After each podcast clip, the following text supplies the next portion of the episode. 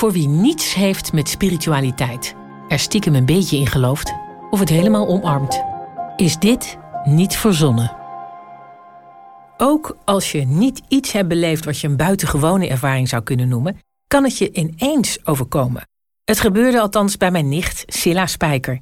Ze kwam op een plek waar ze nooit eerder was geweest, gewoon bij iemand thuis, en ze ziet daar dan iets staan. Mijn verhaal is dat ik bij een uh, goede vriend was. Hij heeft uh, gaandeweg een uh, nieuwe vriendin ontmoet. Die heb ik ook uh, later goed leren kennen. Maar haar voorgeschiedenis ken ik eigenlijk niet. Haar familie ken ik ook niet. Uh, ook haar ouders dus niet. En ik was daar te gast en ik zat op de bank en een kamer en suite. En ik keek rechts vooruit en ik zag daar een foto staan. Dus ik vroeg aan haar van uh, die foto. Ik zeg, uh, is dat je moeder? En toen zei ze, ja. Ik zeg, mag ik, dat, mag ik haar eens zien? Mag ik die foto eens zien? Dus ik loop daar naartoe en ik uh, pak het lijstje op. En ik kreeg kippenvel over mijn hele lichaam. En zei ik, ik had rechtstreeks contact. heb ik nooit gehad. Ik dacht, wat is dit? En ik noemde zo vijf karaktereigenschappen... Hoe zij als moeder moet zijn geweest. Ik kon het zo opratelen. En toen stond uh, die inmiddels vriendin van mij naast mij te huilen, want ze zei: Het is exact zoals ze was. En het was heel emotioneel eigenlijk. Die vrouw kwam rechtstreeks bij mij binnen. En dat heb ik nooit gehad, ook daarna nooit weer gehad. Maar en altijd als ik daar ben, voel ik me extra welkom. Ik Denk je dat die moeder daar dan was? Ergens zit er een. Ja, dat, dat gevoel kreeg ik. Ik vond het overweldigend eigenlijk. Ben je wel iemand die gewoon zo nieuwsgierig is en zegt: Oh, ik, ik zie een foto staan, mag ik daar even beter nee, naar kijken? Nee, het trok mij aan. Dat heb ik nooit. Nee, ik ben er ook niet mee bekend. Ik was ook, ook echt overdonderd eigenlijk door het gevoel. De kippenvel. Uh, het was heel emotioneel. En blijkbaar schot in de roos, omdat zij, omdat die, die inmiddels vriendin al uh, naast mij stond te huilen. Maar hoe kan het? Want ik heb haar nooit ontmoet, ik heb haar nooit gezien. Uh, niets. En wat waren het voor karaktereigenschappen? Uh, een hele enthousiaste, lieve, zorgzame vrouw. Positief in het leven staand. Maar alsof ik haar kende. Als ik een heel vriendelijk gezicht zie op een foto, dan zou ik dat er ook in kunnen leggen. Hè? Ja. Zonder daar, daarvan te denken, oh, dan, dan is dat zo waarschijnlijk. Ja. Hè? Je beschrijft ja. gewoon zo'n hele lieve moeder. Die waarschijnlijk hebben heel veel mensen dat beeld bij nee, dat, andermans moeder. Ja, dat klopt. Ja, dat klopt. Maar dat was niet waarom ze aansloeg? Nee, het was uh, de manier zoals zij bij mij binnenkwam. Dat uh, was onbeschrijfelijk. Ja, het is heel lastig te omschrijven, maar uh, alsof ik haar kende. Ja, het was meer dan dat. Het was een heel uh, warm gevoel. Heel warm gevoel. Ja, ik, uh, ik vond het een heel bijzonder moment. Ik ben het ook nooit vergeten. Het is een hele mooie vrouw. Gewoon van binnen. Mooi mens, ja. En denk je nu, laat ik dat eens vaker proberen met een foto? Nee, nee helemaal, helemaal niet. niet. Nee, nooit. Nee, nee. Gewoon een eenmalige. Gewoon eenmalige, ja. ja. Ik, uh, ik wist niet wat mij overkwam eigenlijk. Dat heb ik nooit gehad. Ik voel me daar heel welkom. Ja, alsof, alsof zij meekijkt. En ze zijn onlangs uh, ook uh, getrouwd. Alsof ze er is. Ja. En gewoon een heel warm gevoel, iets heel moois. Alice Klein, je hebt meegeluisterd naar dit verhaal. Mm -hmm. Dit uh, wordt wel fotolezen genoemd. En fotolezen betekent dat je de energie van de foto of rondom die foto kunt plaatsen. Aan die foto zit energie vast. En Zilla kon die energie lezen op dat moment. Maar zij heeft dit nooit eerder gehad. Mm -hmm. Je zult dus... toch wel in je leven heel wat foto's hebben gezien. Ja. Dus Hoe kan dat dan dat dat dan juist bij één foto zo is? Het kan zijn dat Silla daar op dat moment voor open stond. Het kan zijn dat er heel veel energie aan die foto heeft gezeten. Het kan zijn dat de wens van de dochter was. Kun jij zien wat er aan die foto vastzit? Dus dat kunnen meerdere insteken zijn. Als het zo makkelijk is om energie aan een foto te laten kleven, waarom gebeurt het dan niet de hele dag bij iedereen? Ik denk dat het bij iedereen de hele dag gebeurt, maar dat we het niet kunnen lezen. En hoe kan het dat iemand dat nooit kan en dan ineens wel? Gevoel. uh, ervoor openstaan. Uh, de energie was misschien al heel groot. Misschien had ze een luikje openstaan. Misschien had Silla zelf wel een moeder waar ze gevoel bij had. Zeg het maar. Weet ik niet. Hoeft ik ook niet te weten. En is het logisch dat je dat dan één keer in je leven hebt en daarna nooit meer?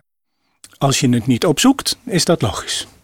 Maar als Silla dat zou willen, dan bestaat de kans dat ze dat kan trainen. Dat ze eigenlijk bij iedere foto dat gevoel kan oproepen. Nou, het fotolezen. Dus, dus gezien en ongezien. Dus die letterlijk, hè, dus een, een object of een, een foto of een brief of wat dan ook, daar zit energie aan. Stop het maar in een envelop die dicht is. En mensen halen feilloos eruit wat erin zit. Als je naar de foto's kijkt en je gaat gokken, je gaat kijken van nou, ik denk dat dit is en dit nou dat is, dan, dan zul je misschien juist zijn. Toevallig afgelopen weekend een presentatie gehad van een man die zei van ja, maar op basis van een foto maak je een keuze. En de ene foto was een hoogbegaafde uh, hoogleraar. Maar die zag er heel nors uit, dus niemand koos voor die foto. En de andere foto was een vriendelijke man die, die oprecht leek. Maar dat bleek een massamoordenaar te zijn. Ted Bundy, geloof ik. Dus, dus ik denk dat als je slechts kijkt naar die foto's, dat je het er niet zomaar uit kunt halen. Nee, als je niet die energie in leest, zal het niet heel veel zeggen. Denk jij dat als jij die foto had gezien, dat jij hetzelfde gevoel gehad had? Ik kan foto's lezen, maar ik heb ervoor gekozen om daar niets mee te doen. Dus het zou heel goed kunnen. Ja, misschien kreeg ik wel andere boodschappen door. Maar dan is even de vraag wat voor soort energie dat er om die foto heen hing. Alex denkt dus dat er energie om een foto zit. Wat denkt de criticaster van spiritualiteit, cultuursocioloog Stef Aupers hiervan? Ja, eh, kijk, ik krijg nu een beetje het gevoel dat ik een soort mythejager word die die verhalen wil doorprikken. En dat is niet zo. Alleen nogmaals, mijn uitgangspunt is dat mensen betekenisgevende wezens zijn. En, en op die manier uh, denk ik ook dat de contacten die mensen hebben en de lezingen die mensen geven van elkaar die kunnen ook heel diep zijn, hè, voor de duidelijkheid. We hoeven het niet spiritueel te noemen. Menselijk contacten is natuurlijk heel bijzonder en niet in alle opzichten verklaarbaar. Dus als jij een gezicht ziet, een foto ziet, dan heb je daar bepaalde associaties bij die best wel soms te lezen zijn in een oogopslag of in fysieke features en dat is niet altijd op een heel bewust niveau. Maar dan kan je het zomaar echt raak hebben. Dus dat is het natuurlijk ook. Hè. We hebben het, mensen die helderziend zijn, die zijn misschien wel hartstikke sensitief. Dat kan heel goed. Eh, daar heb je hele seculiere termen voor. We vangen van alles op de hele dag van elkaar. Sommige mensen sluiten zich daarvoor af. Andere mensen zijn daar goed in. En misschien noemen ze dat daarom wel spiritueel. Eh, dus dat kan heel goed. Ja, foto's, ze kunnen dus ook grote impact hebben onverwacht. Dat merkte ook Elif Isitman. We hoorden haar al eens eerder in Niet Verzonnen. Ze vertelt nu over een familieuitje in Engeland en daar zijn natuurlijk ook foto's van. Maar toen ze een van die foto's zag, dacht ze aan wat ze als kind in haar slaapkamer had gezien. Ja, nee, ik heb wel eens de schimmen gezien aan mijn bed. Ik moet zelf een beetje om lachen terwijl ik het vertel, omdat ik het gewoon... Het klinkt wel echt een beetje ja, uh, ik was een keer met uh, mijn nichtjes, mijn nichtje, mijn neefjes, uh, waren in Cambridge. Want mijn, uh, mijn opa en oma waren volgens mij toen 50 jaar getrouwd. En ze waren in Cambridge getrouwd, dus we gingen het daar vieren met de hele familie. Uh, het waren op de campus van de universiteit daar. En toen waren we foto's aan het maken. Een beetje lollig aan het doen op die binnenplaats en zo. Een beetje binnen in zo'n kerk en zo. En het was echt op meerdere van die foto's... dat je gewoon op de achtergrond een soort schim zag. En die foto's heb ik nog wel thuis. Of thuis bij mijn ouders. Uh, nou mijn ouders zijn allebei super nuchter. Dus die, die denken altijd van ja, dat is helemaal niks en zo. Maar zelfs zij hadden bij dit echt zoiets van: oké, dit is wel echt heel raar een soort van ja, witte, beetje gasbollen en een beetje vorm van een persoon wel achter je staan. Dus je hebt een foto van, nou, wij waren toen kinderen, we waren toen 11, 12. Ze hadden gewoon leuke kinderfoto's met op de achter, achtergrond een beetje witte rook van mensen, mensenvormen, zeg maar menselijke vormen. Ja, en dat is gewoon ook best wel raar. Maar ook niet direct. Dat, dat vind ik wel een situatie waarvan je denkt: oké, je kan er heel veel aan toedichten. Je kan er ook helemaal niks aan toedichten. En het kan allebei zeg maar. Maar jij zag het toen je daar... Nee, ik zag het niet. Nee, nee, nee. nee. Dus dit was echt op de alleen foto foto's. zag je Ja, ja, ja, ja. Nee, dus ik heb daar niks gezien, ook niet...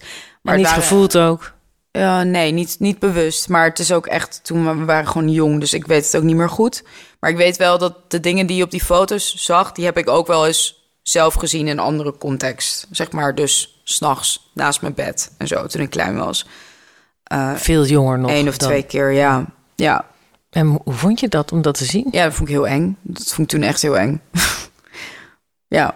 Dus jij herkende dat wat je op de foto zag van iets wat je jaren daarvoor bij je eigen bed had gezien? Ja, nou, nou, niet dat het exact hetzelfde is, maar hetzelfde idee. Dus een vorm van een persoon in witte, ja, een soort witte, ja, rook, rookachtige iets. Ja, en dat was ook inderdaad wat ik vroeger als kind ook had, wel eens één of twee keer dus had gezien naast mijn bed. Dus ook niet zo vaak dat je echt er heel lang mee bezig bent, maar dat je wel denkt, oh ja, dit heb ik al een keer in het echt gezien ook. En toen dacht je, dit klopt niet? Nou, toen dacht ik, ja, dat is een geest. En verder niet heel veel over nagedacht. Ik dacht, oké, nou, dat is dan een geest. Dat vond ik wel een beetje eng, maar ook niet heel eng. Maar ik heb dat dus later helemaal niet meer gehad. Dus ik weet ook niet in hoeverre dat dan een kind, een soort kinderlijke fantasie is of zo. Maar dat van die foto's is wel echt, daar heb ik gewoon foto's van. Dus nee, op, op het moment dat foto's werden genomen, dat was gewoon overdag, was helemaal niks aan de hand, helemaal niks engs. Maar het was wel toen we die foto's hadden ontwikkeld, was het wel een beetje van, oh, dit is raar. En nou ja, ik en mijn zusje dan van, oh ja, dat zijn geesten. Nou, mijn ouders gaan heel snel weg van dat soort dingen. Dus die hebben allemaal zoiets van, nee joh, is gewoon de foto, slechte kwaliteit, eh, rolletje, dit. Nou, allemaal van dat soort verklaringen. Eh, en mijn nichtje, die ook op die foto stond, die had ook direct zoiets van, oh ja, dat zijn geesten. Die heeft ook wel eens, die ziet ook veel meer dan ik trouwens. Heeft veel vaker dat soort ervaringen gehad in haar leven. En die had gewoon wel echt direct zoiets van, ja, dat zijn, dat zijn geesten. Dat is ook logisch, want we waren op een, een universiteitscampus die gewoon, nou ja, de- nou ja, honderden jaren oud is. Dus die vond het ook helemaal niet raar of zo. Die had gewoon zoiets van, ja, dat is logisch. En vind jij het onlogisch?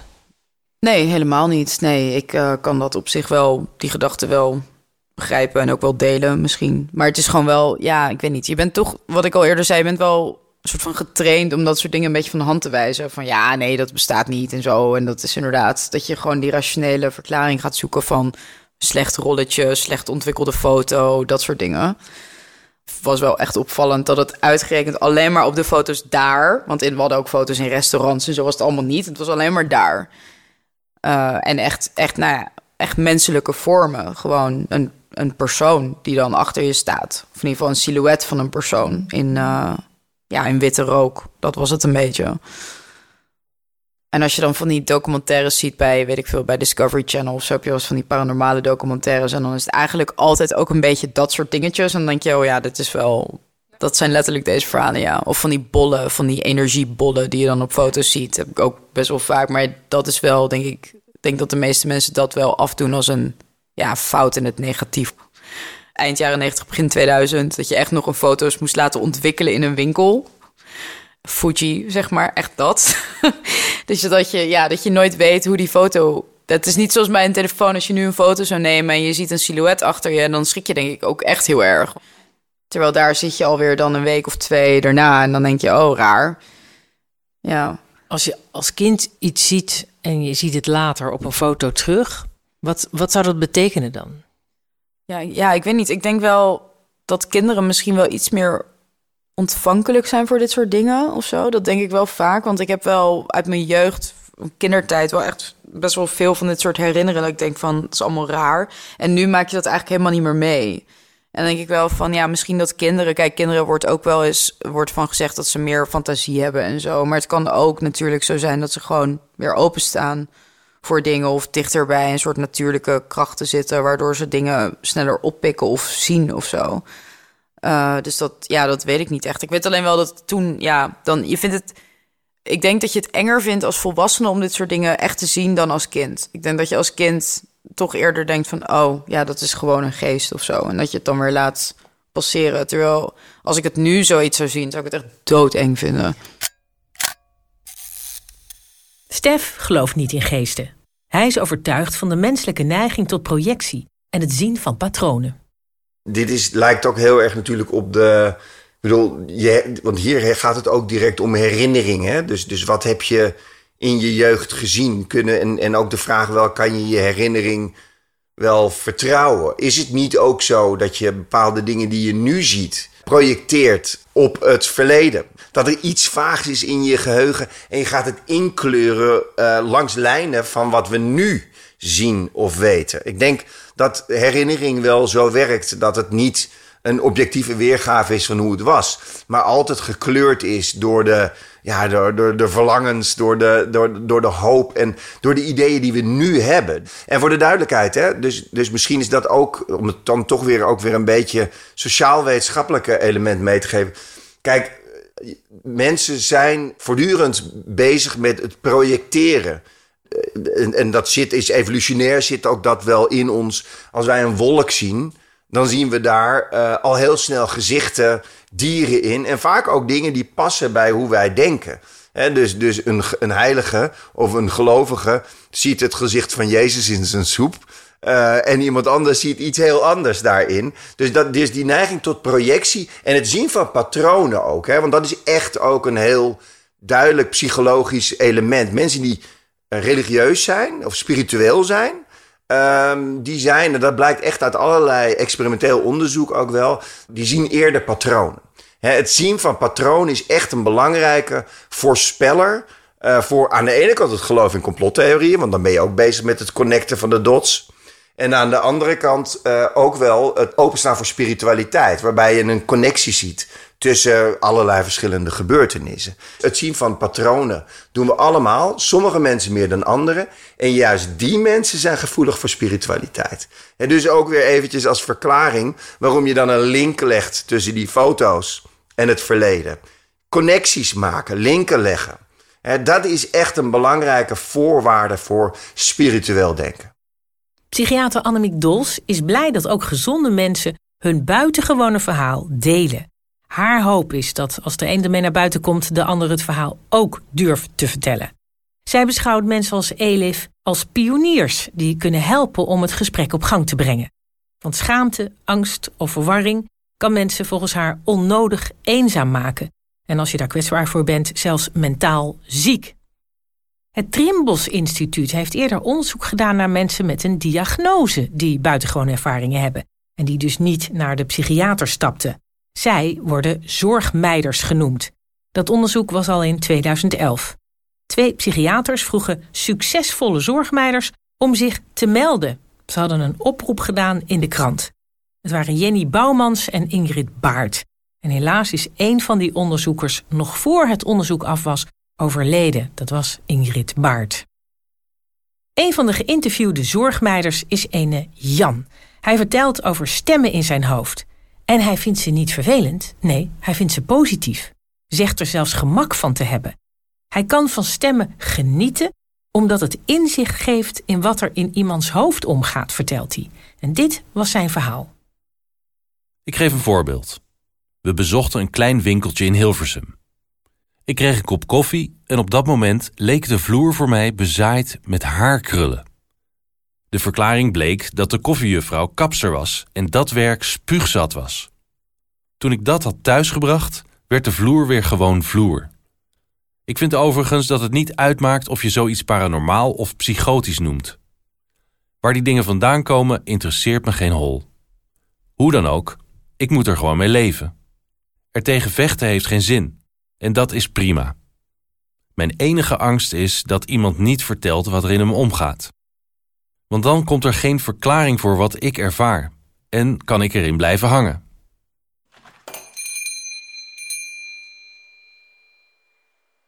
Zet dat jou ook aan het denken als psychiater? Ja, het zet mij ook aan het denken. Wij hebben allemaal, als je bijvoorbeeld soms een kamer binnenkomt, dat je gewoon voelt, er is hier net iets heel vervelends gebeurd. Maar niemand heeft dat nog tegen jou gezegd. Je voelt gewoon zo'n ijzige sfeer. Dus dan blijkbaar kan je toch besmet worden door de, door de emoties van anderen. Sommige mensen zijn daar heel gevoelig voor. En sommige mensen, ja, die, die gaan gewoon zitten en denk je, goed, die heeft helemaal niet door welke sfeer hier hangt. Maar ik kan me voorstellen dat sommige mensen daar nog meer open voor staan. Zoals Jan in dit verhaal. Dat je dan echt helemaal absorbeert waar, die ander over dacht en wat hij voelde. En dat je daar dan ook echt beelden bij krijgt. Ja, dat kan ik me wel voorstellen. Dus iemand die is eigenlijk heel getalenteerd.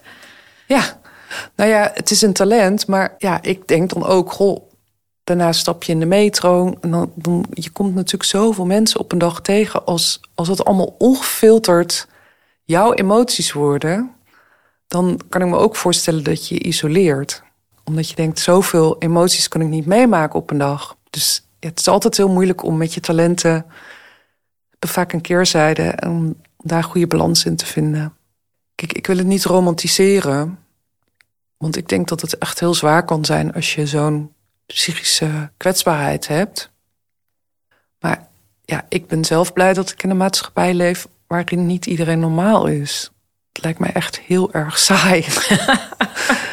ik ben blij dat het, ja, dat het abnormale dan mag zijn en dat, dat we allemaal verschillend zijn. En ik denk, ja, als het te erg wordt, dan moeten we zo iemand gewoon helpen. Maar een beetje variatie in de normaliteit vind ik wel een aanwinst. Laten we gewoon ook af en toe lekker gek zijn. Ja, laten we dat allemaal doen. of in ieder geval van genieten als iemand anders het is. Ons daar een beetje door laten besmetten. En denken van ja, ik zit ook altijd maar in mijn, in mijn eigen riedel. Of ben eigen lekker gewoontes. Ja, kijk haar gaan. Ja, en we hoeven het ook niet allemaal te beheersen, denk ik. We kunnen gewoon denken, nou, dat hoort er ook bij. Eigenlijk heel normaal. Ja, het, het abnormale is eigenlijk normaal. Wat zijn we dan een zieke maatschappij geworden? Ja, ja denk ik wel, ja. Het abnormale is eigenlijk normaal.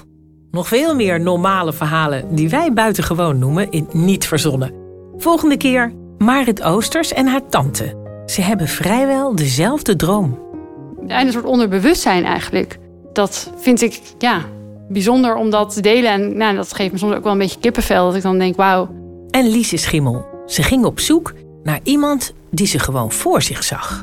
Ik ging in die tijd beelden zien van een, van een indiaan. Zo'n Noord-Amerikaanse indiaan met van die vlechten. Een oudere man. Dit is Niet Verzonnen.